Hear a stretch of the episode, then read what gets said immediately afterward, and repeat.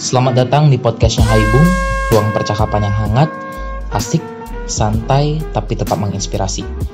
Gua Iqbal akan memandu langsung percakapan kali ini, so make sure audio is clear, enjoy, and have a good time. Uh, gue pengen cerita deh. Eh, pertama-tama gue mau nanya dulu dah. Khususnya buat kalian, dan gue juga sih yang masih pada muda-muda nih pernah nggak sih kalian ngerasa kayak nggak produktif atau ngerasa kurang berguna aja gitu? Jadi manusia? Anjir jadi manusia. Mungkin bukan kurang berguna sih lebih ke merasa hidup kalian itu kosong aja gitu karena nggak memberikan apa-apa ke lingkungan sekitar atau bahkan ke diri kalian sendiri. Atau mungkin pernah nggak sih kalian kayak bertanya-tanya, duh masa muda gue enaknya gue habisin buat apanya? Terus mungkin kayak perasaan pengen sih berkarya, bergerak menjadi versi diri gue yang lebih baik, tapi Gimana mulainya? Alhasil timbullah berbagai kecamuk di otak ini. Ya, kecamuk. Kalau boleh dibaratkan nih, di dalam otak tuh di dalam otak kita tuh lagi kayak terjadi peperangan antara sisi yang pengen bergerak dan berkarya dengan sisi yang merasa bergerak dan berkarya itu berisiko banget di usia muda. Hingga akhirnya lo bingung dan pusing sendiri. Dan sehingga akhirnya lo berpikiran kayak ah nanti aja deh gue bingung mau ngapain uh, bodo amat lah masih muda juga. Sehingga akhirnya lo nggak jadi jadi gerak dan ya waktu lo dihabisin buat nongkrong rebahan buka IG Twitter TikTokan doang. Pernah nggak sih? Kalau gue pribadi sih jujur pernah. Gue ngerasa kayak ah mau dibawa ke mana nih masa muda gue sekarang? Perasaan pengen berkarya dan menjadi versi diri gue yang lebih baik itu selalu muncul. Tapi di sisi lain gue juga kayak berpikiran ah nanti aja deh. Masih muda juga masih panjang perjalanan ah nanti aja deh mager anjir. Mending kuliah aja dulu yang bener bagusin IPK dan lain-lain. Pokoknya setiap pengen bergerak dan berkarya ada aja sisi lain pemikiran gue yang ujung-ujungnya ngehambat setiap langkah gue dan akhirnya buat gue malah tetap stuck di posisi gue sekarang tanpa berkarya apa-apa. Tapi nih ya ngomong-ngomong tentang bergerak untuk menjadi pribadi yang lebih baik nih sebenarnya penting banget gak sih? I mean kayak come on masih muda gila santai aja lah gak sih Nah, kali ini gue akan bahas hal itu sama narasumber gue yang kece abis nih. Gue bakal ngulik perspektif dia tentang seberapa penting sih anak muda bergerak dan berproses untuk menjadi pribadi yang lebih baik, sehingga berdampak bukan hanya ke dirinya sendiri, tapi juga ke lingkungan di sekitarnya. Langsung aja kali ya, kita kupas tuntas pandangannya terkait hal ini. Oke, kita telepon dulu ya narasumber kita. Narasumber kita hari ini bakal kece banget, kece abis.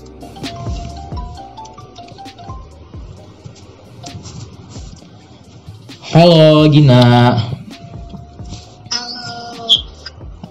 Uh, uh, mungkin teman-teman gue mau ngejelasin sedikit nih tentang Gina. Jadi Gina ini adalah seorang mahasiswa hukum di Universitas Indonesia. Gue mau uh, ngeklarifikasiin dulu nih, bener nggak Gin? Uh, Oke, okay. selain berarti kalau mahasiswa itu pasti kesibukannya yang pasti paling pertama kuliah kan ya? Iya, prioritas utama akademis. Oke, okay, keren. Prioritas pertama akademis. Nah, uh, mungkin bisa kenalin dulu dong, Gin, ke teman-teman kesibukan. Uh, mungkin bukan kesibukan sih, kayak uh, kenalin dulu dong ke teman-teman uh, lo itu siapa gitu atau bukan siapa sih kayak lebih ke kesibukan lo apa sekarang segala macamnya. Sekarang uh, mahasiswa di Fakultas Hukum Universitas Indonesia.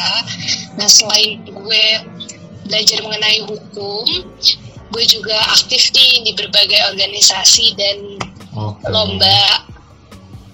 Untuk organisasi sendiri, gue itu uh, ikut di namanya ISAFIS. ISAFIS. ISAFIS itu kayak gimana tuh, Indonesia. Dia itu Indonesian Association uh, for International Studies. Jadi, oh, jadi lebih oh. membahas tentang international issue okay. gitu. Divisi gue sendiri itu gue di divisi FAIR yaitu Foreign Affairs and apa? institutional relation jadi tentang hubungan hubungan institusi dan juga okay. tentang uh, hubungan luar negeri oh jadi nah selain ISAFIS Terus ya, kesibukan lain apa tuh selain organisasi? aktif. Kenapa? Selain uh, sibuk di organisasi eh, Isafis tadi ya, apalagi tuh kesibukan lu sekarang? Iya, um, gue juga staffing di UI Mankop Universitas Indonesia Hmm. model United Nation Club. Oh, Eh, model di situ gue staffing di bagian internal. Oh, lu staffing di sana berarti eh, ikut join organization-nya gitu ya?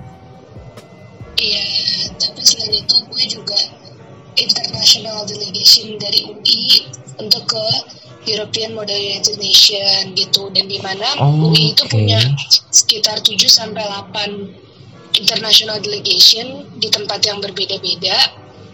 Itu tiap tahun emang eh, UI ngirim gitu. Eh, Europe s- delegasi untuk European Model United Nation. Iya, Ya. Nah, denger-denger lu baru pulang dari Malaysia juga nih, Gin. Bener gak? Cerita dong pengalaman lu atau kenapa lu baru bisa baru pulang dari Malaysia? Iya, gue baru pulang dari Malaysia, jadi gue ikut eh, lomba juga, lomba, Lomba. Mo- Model United Nation. Oke. Itu namanya Asia Youth International Mo- Model. United Nation. Aimun ya, gue pernah denger juga tuh kayak. Situ gue ikut menjadi delegasi. Kan kalau Oke. misalkan MUN itu kita kayak role playing gitu ya. Oh ya. Jadi kita dikasih negara, terus kita dikasih topik, dikasih council kayak uh, Oke. human rights atau UNICEF atau UNESCO. Berarti- Di mana setiap council itu punya mandat yang berbeda-beda. Hmm, lu dapet Nah. negara apa tuh kemarin, Gin? Oh, mewakili negara Cina Oh, Cina. di Oke. Council Human Rights. Oh, berarti oh ya, kan se- lanjut lanjut.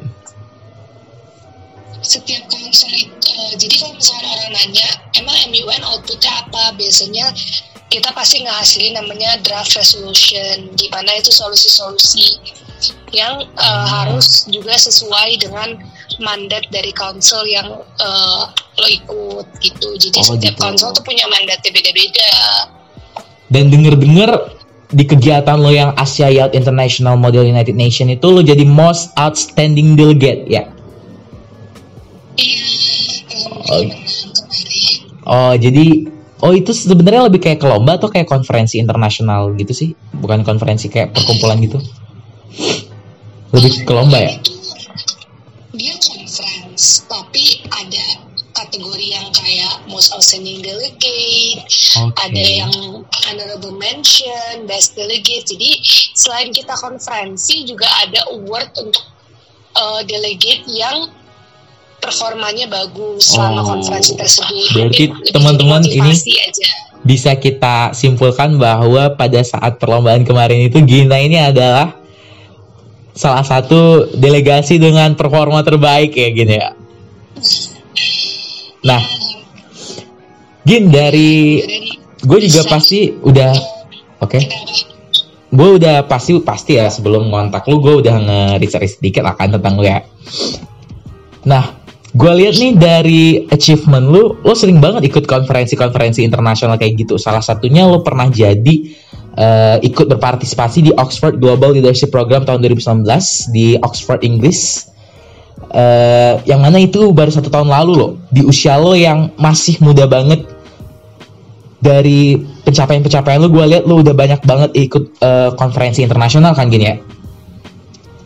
Eh, bisa ceritain dong apa sih yang menjadi motivasi motivasi lo gitu loh untuk ikut berbagai kegiatan konferensi internasional itu motivasi lo untuk kenapa lo memilih terjun ke dunia yang kayak kayak gini gitu loh? Oke, kenapa gue pengen nyoba untuk keluar ke dunia internasional ya? Karena gue pengen melihat sih dari sisi luar itu kayak gimana, nggak cuma Oke. main di ibaratnya di zona nyaman kita aja di Indonesia. Dan gue Hmm. pengen kenal dan berinteraksi langsung sama orang yang beda budaya, eh, beda keseharian gitu. Gimana gue bisa eh, challenge myself oke. untuk bisa berinteraksi dan maintain good relation dengan mereka yang ibaratnya Mm-mm. backgroundnya sangat berbeda gitu dengan kita. Dan gue sangat suka sih untuk kayak berinteraksi gitu ya? uh, belajar budaya-budaya baru Oh, dan berinteraksi dengan orang-orang baru gitu. Jadi gimana gue menyesuaikan diri di suatu keadaan dan menurut gue emang skill untuk adaptasi Hmm. itu sangat penting jadi gue juga sambil mengasahnya dengan gue keluar gitu Oh, berarti eh, lu punya pandangan bahwa seharusnya kita itu eh, bisa har- harusnya Indonesia ini bisa harus lebih sering berinteraksi atau bertukar budaya dengan dunia luar ya gitu ya gini ya. Misalkan kita ada masyarakat ekonomi ASEAN di mana Oke. nanti sumber daya manusia di negara-negara ASEAN bisa saling ibaratnya kayak barang kan di trade Hmm. ditukar gitu kan jadi orang mau masuk eh, orang Filipina masuk Indonesia dengan mudah dan orang Indonesia masuk ke negara Malaysia dengan mudah dan di situ Oke. yang sangat krusial itu adalah eh, gimana kalian bisa bersaing bukan hanya di lingkup nasional aja tapi juga Tapi lingkup juga internasional. Oke. gitu jadi penting sih untuk kayak coba keluar untuk melihat Hmm. hal-hal baru jadi kita juga punya pola pikir yang standarnya global Global lebih luas lagi berarti nasional. gini ya. Punya pola pikir yang akhirnya bisa lebih luas lagi gitu kan ya. iya Hmm, oke oke. Nah, tuh kan ngomongin masyarakat ekonomi ASEAN tadi ya lo singgung dikit. Menurut lo apa sih se- sejatinya skill yang paling penting gitu loh dimilikin oleh apalagi khususnya anak-anak muda Indonesia nih yang bakal pasti bakal berdampak banget terhadap terhadap masyarakat ekonomi ASEAN gitu. Skill skill yang harus banget dipunyain itu apa sih bagi anak-anak muda gitu loh menurut pandangan lo nih mungkin untuk eh, menghadapi EMEA bukan- gitu. Iya, mungkin bukan skill sih, tapi Hmm. lebih ke em, apa balik lagi ke diri mereka, Oke. gimana mereka bisa bersaing di dunia internasional. Dan gue percaya sebenarnya nggak harus punya suatu skill karena Oke. untuk mengasah skill juga nggak gampang. Tapi yang paling penting itu menurut gue ada tiga sih. Yang Apa? pertama itu adalah persistence yaitu gigi. Gigi. Kedua Oke. itu konsisten yaitu lo eh, konsistensi konsi, konsistensi, Konsistensi lo. harus ya harus jangan cepat menyerah lah Oke. ibaratnya dan yang Ah, terakhir itu iya. adalah yang paling penting yaitu faithful di mana pun kalian juga harus percaya kepada Tuhan Oh, oke. Poin terakhir bisa jadi poin yang sangat penting tapi udah mulai dilupakan gini ya. Aduh. iya jadi selain kalian gigi dan juga konsisten ada juga kekuatan Oke. Tuhan jadi menurut gue itu lo harus dipertimbangkan juga sih Bener-bener ada faktor X lah ya. iya Gue catet nih teman-teman, mungkin bisa juga catet bahwa gigih, konsisten dan ya faithful tadi ya. Nah, itu adalah eh, salah satu mungkin semangat atau mungkin juga sifat yang harus lu tanemin untuk lu ngadepin eh, masyarakat ekonomi ASEAN tadi ya gini ya. iya itu sebagai contoh Benar benar benar benar banget nih teman-teman bisa banget dicatat. Dan gue punya pertanyaan nih Gin, Eh, lo sering kan gitu ketemu atau interaksi sama orang-orang dari seluruh dunia tuh gue bisa bilang lah karena dari yang gue lihat lu udah banyak banget eh, keluar yang pasti di proses dalam proses itu lu banyak banget bertukar pikiran kan berbagi pengalaman gitu di proses interaksi lo gitu kan. Nah gue pengen nanya nih Gin. Gue penasaran deh menurut pandangan lo ada nggak sih atau apa sih pride terbesar lo sebagai seorang Indonesia gitu loh? Dan juga mungkin sebaliknya apa sih maksud gue eh, ketika lu interaksi sama orang-orang luar nih lu kan eh, punya concern di situ tuh. Lu punya eh, ada pride gitu nggak sih ketika pas di luar tuh oh gue adalah seorang Indonesia gitu loh. Apa sih gitu? Kebanggaan. Oke. Kalau misalkan gue berinteraksi sama orang pasti kayak gue dari mana dari Indonesia gitu. Mungkin ada yang udah familiar dan ada juga yang belum familiar. Misalkan Oke. orang cuma stereotip Indonesia itu sebagai Bali lah. Bali. Nah, gitu. oke Nah, kalau Bali nggak, Bali cuma berba- eh, satu bagian dari Indonesia. Tapi pasti gue punya pride tersendiri di mana walaupun mereka awalnya cuma tahu Bali, gue punya Mhm. kesempatan juga nih untuk kenali Indonesia. Kalau Oke. Indonesia Bali itu cuma bagian kecil dari Indonesia yang kaya banget sama suku budayanya. sama etnisnya sampai 600 lebih dan pulau-pulaunya sangat Oh, indah bukan keren, hanya di Pulau keren. Bali. Jadi, Berarti intinya lu ngelihat itu pasti ada. Oke, lu ngelihat bahwa ada beberapa masyarakat luar yang nggak tahu Indonesia itu lu lihat sebagai peluang untuk mengenalkan Indonesia itu sendiri gitu, Gen. Iya betul banget. Tapi gue juga penasaran nih, ad- eh, sebaliknya nih, ada nggak sih identitas keindonesiaan nih, gue tanda kutip, identitas keindonesiaan yang justru buat lo lebih ke kayak malu gitu, atau mungkin berharap identitas itu nggak dimiliki lagi oleh orang Indo, Indo gitu loh, ada nggak gitu? Menurut gue secara keseluruhan pun nggak ada sih identitas Indonesia yang buat gue malu karena eh, Indonesia walaupun emang sangat majemuk yang itu bisa menjadi senjata balik lagi ke kita tapi itu malah yang memperkuat kita sekarang gitu kalau menurut gue dan Oke, nggak ada yang perlu dimaluin sih dari identitas Indonesia nggak, oke, nggak ada yang perlu lu maluin dari identitas keindonesiaan. Keren, keren. Iya, karena misalkan ada beberapa masalah di dalam negeri pun, ya semua negara punya masalahnya sendiri gitu. Tapi Mm-mm. eh, kita harus tunjukin kalau selain kita punya masalah tersebut, kita juga punya banyak suatu hal yang bisa kita unggulkan dan banggakan. Oke. Eh, teman-teman gue juga mau ngasih info nih bahwa Gina itu pas SMA juga seorang anggota Paskibraka ya bener Gin. Gina seorang anggota Paskibraka dan juga di kuliah nih di masa dia di mahasiswa dia juga juara satu putri Fakultas Hukum Universitas Indonesia. Ya poin yang pengen gue pengen poin yang pengen gue tanyain itu gini gin. Maksud gue kan eh, lu kan fokusnya nih ke kayak gimana lu berhubungan secara global kan dengan masyarakat luar lu ikut konferensi internasional. Tapi juga lu nggak ngelupain eh, dengan prestasi-prestasi yang kayak bertolak belakang banget gitu loh pas Kibra eh, putri fakultas hukum. Atau menurut lu itu nggak bertolak belakang sama sekali? Atau gimana tuh eh, lu memaknai itu gitu loh? Lu pengen ngebanyak-banyakin prestasi atau mungkin lo pengen ber- bergerak atau berproses gitu? Bener sih, banyak yang bilang emang dari pas Braka terus ke Putri Fakultas Hukum dan juga model United Nation Heeh. itu merupakan tiga hal bi- bidang yang berbeda dan itu benar Yeah. berbeda. Tapi eh, mungkin karena gue gue selalu menanamkan fleksibel dalam hidup gue Fleksibel. kayak kalau ada opportunity sesuatu gue harus berani untuk ngambil oke dan harus berani untuk memaksimalkan opportunity itu. Kayak Oke. pertama di SMA ada opportunity gue untuk join paskibraka karena Yap.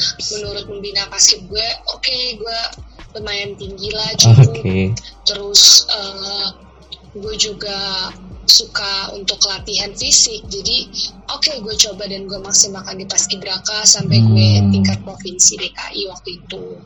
Terus Iya, di putri DKI. fakultas hukum juga gue ngeliat ada opportunities juga. Terus oke gue juga suka nih sama dunia eh, entertainment atau beauty pageant. Oke. Dan gue latih juga di situ. Tapi eh, yang sekarang mungkin lagi fokus banget di model United Nation Wah, karena kan oke, ini bawa nama UI ya jadi lagi fokus di ada MUN ya? Dua betul. Lu menurut gue salah satu anak muda yang keren banget sih salah satu anak muda yang gue temuin keren banget nih dari banyaknya prestasi lo di usia yang segini muda yang menurut gue banyak sih. Eh, berarti amin. motivasi terbesar lo untuk terus berproses gitu loh untuk terus berproses. Apa sih gitu gini sepenting itukah berproses? Lo memaknai berproses gitu? Menurut gue proses itu bukan hanya untuk anak muda tapi oke. ya sampai kita tua pun kita terus berproses karena setiap peristiwa pasti ada hal yang Bener. bisa kita pelajari. Long Tapi life learner ya? gue hmm? long eh, menjadi seorang yang long life learner gitu?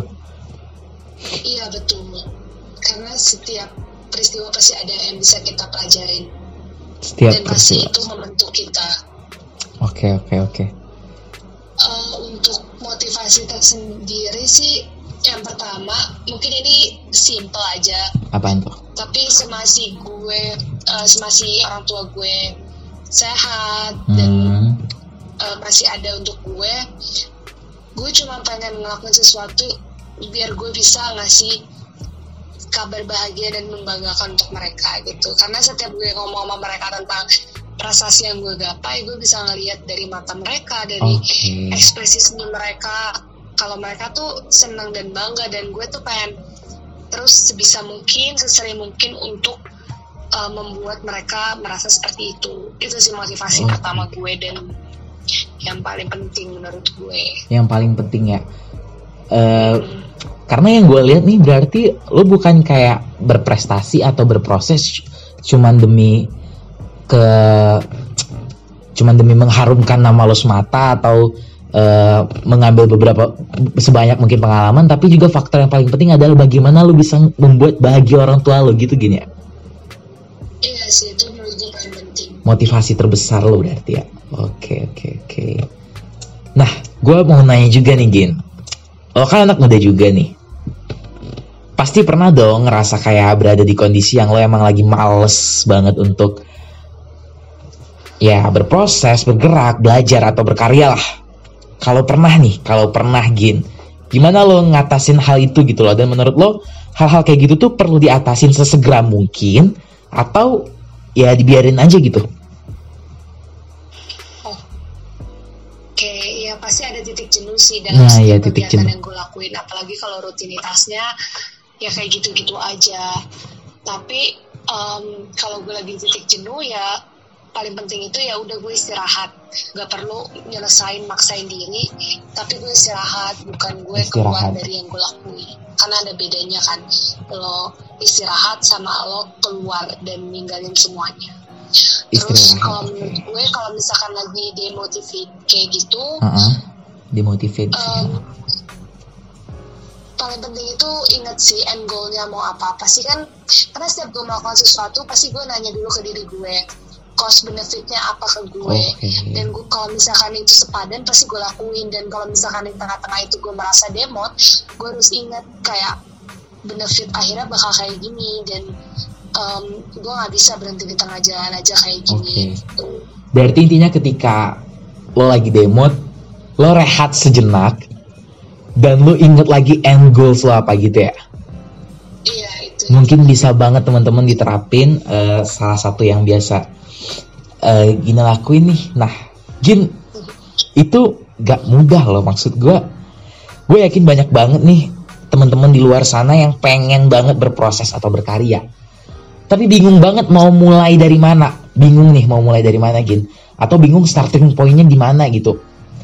Atau mungkin bingung mau berkarya di bidang yang mana. Eh, apa nih inspirasi yang mungkin lo bisa share ke teman-teman di luar sana gitu? Oke, ya wajar sih bingung karena sampai sekarang pun kadang gue juga masih Oh. mempertanyakan segala hal yang gue ikutin. Tapi eh, kalau gue mau starting pointnya dari mana, sebenarnya dari sekitar aja sih.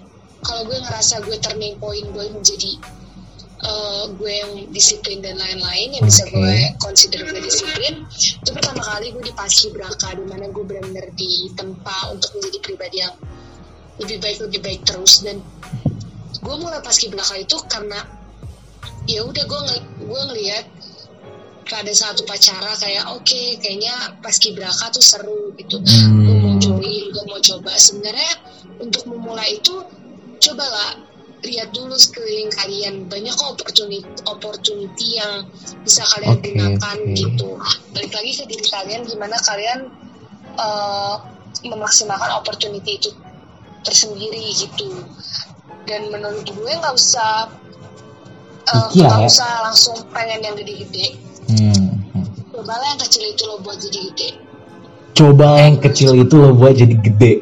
Wow, ini harus digaris bawahi banget sih. Berarti intinya melihat peluang ya, Gin melihat Gin melihat peluang di sekitar kita gitu ya. iya karena sebenarnya banyak banget Oke. kalau kalian mau mencari dan kalau kalian punya kepercayaan kalau Tuhan itu juga akan bantu orang yang mau merubah um, Oke. nasibnya gitu. Percaya sama Tuhan juga salah satu faktor yang paling penting nih teman-teman gitu loh. Oke. Eh, gue lihat juga nih, lo punya skill di Dutch, ya. Iya bisa diiniin dikit dong ke kita gitu di uh, apa ya misalnya ya kalimatnya mungkin uh, mungkin ya kayak simpel aja sih kayak saya Gina mahasiswa Universitas Hukum Indonesia. Coba deh gue pengen denger gitu teman-teman juga yang lain juga mungkin pengen denger skill uh, in Dutch lo gitu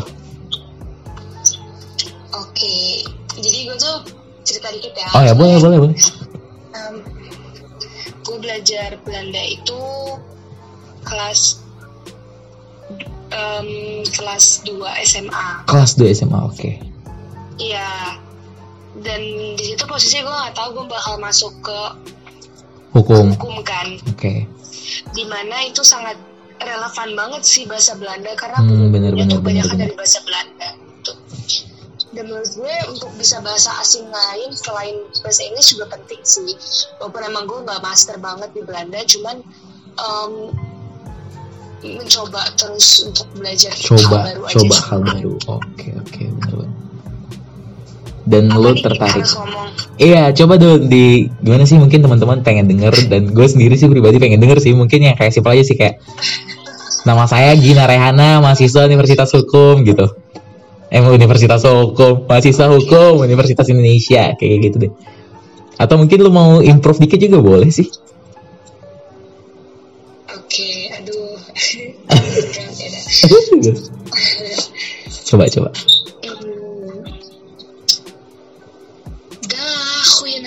Mijn naam is Gina Rehana. Ik ben 18 jaar oud was. Ik studeer rechten op Universiteit Indonesia. Oh. Udah. danke, danke, show, uh, Gina. Gue kok balas pakai bahasa Dutch ya. Gila, keren banget sih. Uh, pengucapan lo kayak mas udah lancar sih menurut gue.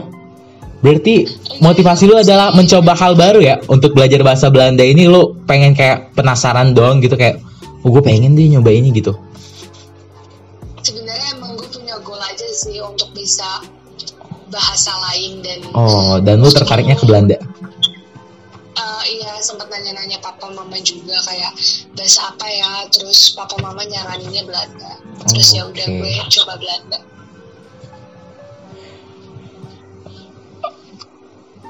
gue menganggap bahwa obrolan kita bermanfaat banget sih gue bisa melihat uh, banyak banget insight-insight lo yang yang gue pribadi bisa gue ambil manfaatnya dan juga uh, teman-teman teman-teman ambil. Sebelum penutupan nih closing statement dulu deh terkait pentingnya untuk terus berproses nih ke teman-teman. Oke okay, closing statement. Gue pengen ngambil quote dari salah satu orang yang gue admire. Boleh gak? Jadi kayak boleh.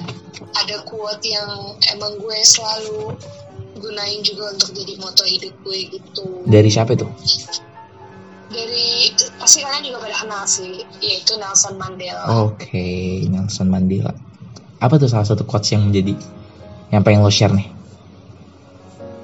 kalau kata Nelson Mandela intinya itu jangan pernah uh, nyaman sama keadaan. Jangan coba pernah nyaman sama keadaan. Iya, coba untuk terus intinya ekspor, untuk terus um, cari opportunity okay. yang bisa improve self skill lo yang bakal berguna di masa depan gitu sih karena balik lagi ke quotes Soekarno hmm. um, suatu bangsa itu yang bisa merubah nasibnya ya bangsa itu sendiri kan oke okay. Balik lagi setiap individu yang bisa merubah nasibnya ya individu itu sendiri. Mau backgroundnya kayak apa pun semua orang punya kesempatan yang sama. Kalau semua orang punya kegigihan konsisten dan juga uh, kepercayaan pada Tuhan. Oke, kepercayaan pada Tuhan jangan pernah dilupain teman-teman. Itu dia tadi, jangan pernah merasa nyaman di kondisi lo, explore terus hal-hal baru dan ketika ada peluang ambil kesempatan itu, gitu kan gini ya. Iya dan maksimalkan. Oke, dan maksimalkan jangan lupa. Dan salah satu yang tadi yang gua garis bawahi banget, ubah. Jangan jangan untuk jangan sibuk banget untuk cari opportunity yang besar tapi ubah hal-hal kecil menjadi sesuatu yang besar gitu ya? Betul sekali. Itu salah satu yang keren banget sih menurut gue pendapat lo yang paling keren banget. Thank you so much Gina sudah mau berbagi inspirasi di podcastnya Haibung? Sukses terus ya dengan segala kesibukannya. Semoga bisa lebih memberikan impact yang lebih besar lagi bagi masyarakat dan lingkungan sekitar lo. Amin amin. Amin. Oke okay, thank you. iya. Uh, nah itu dia teman-teman. Uh, bisa lo ambil sedikit banyak manfaatnya dari perbincangan gue dengan Gina salah satu mahasiswa hukum di Universitas Indonesia gue Iqbal see you next time salam hangat teruslah berproses. Thank you Gina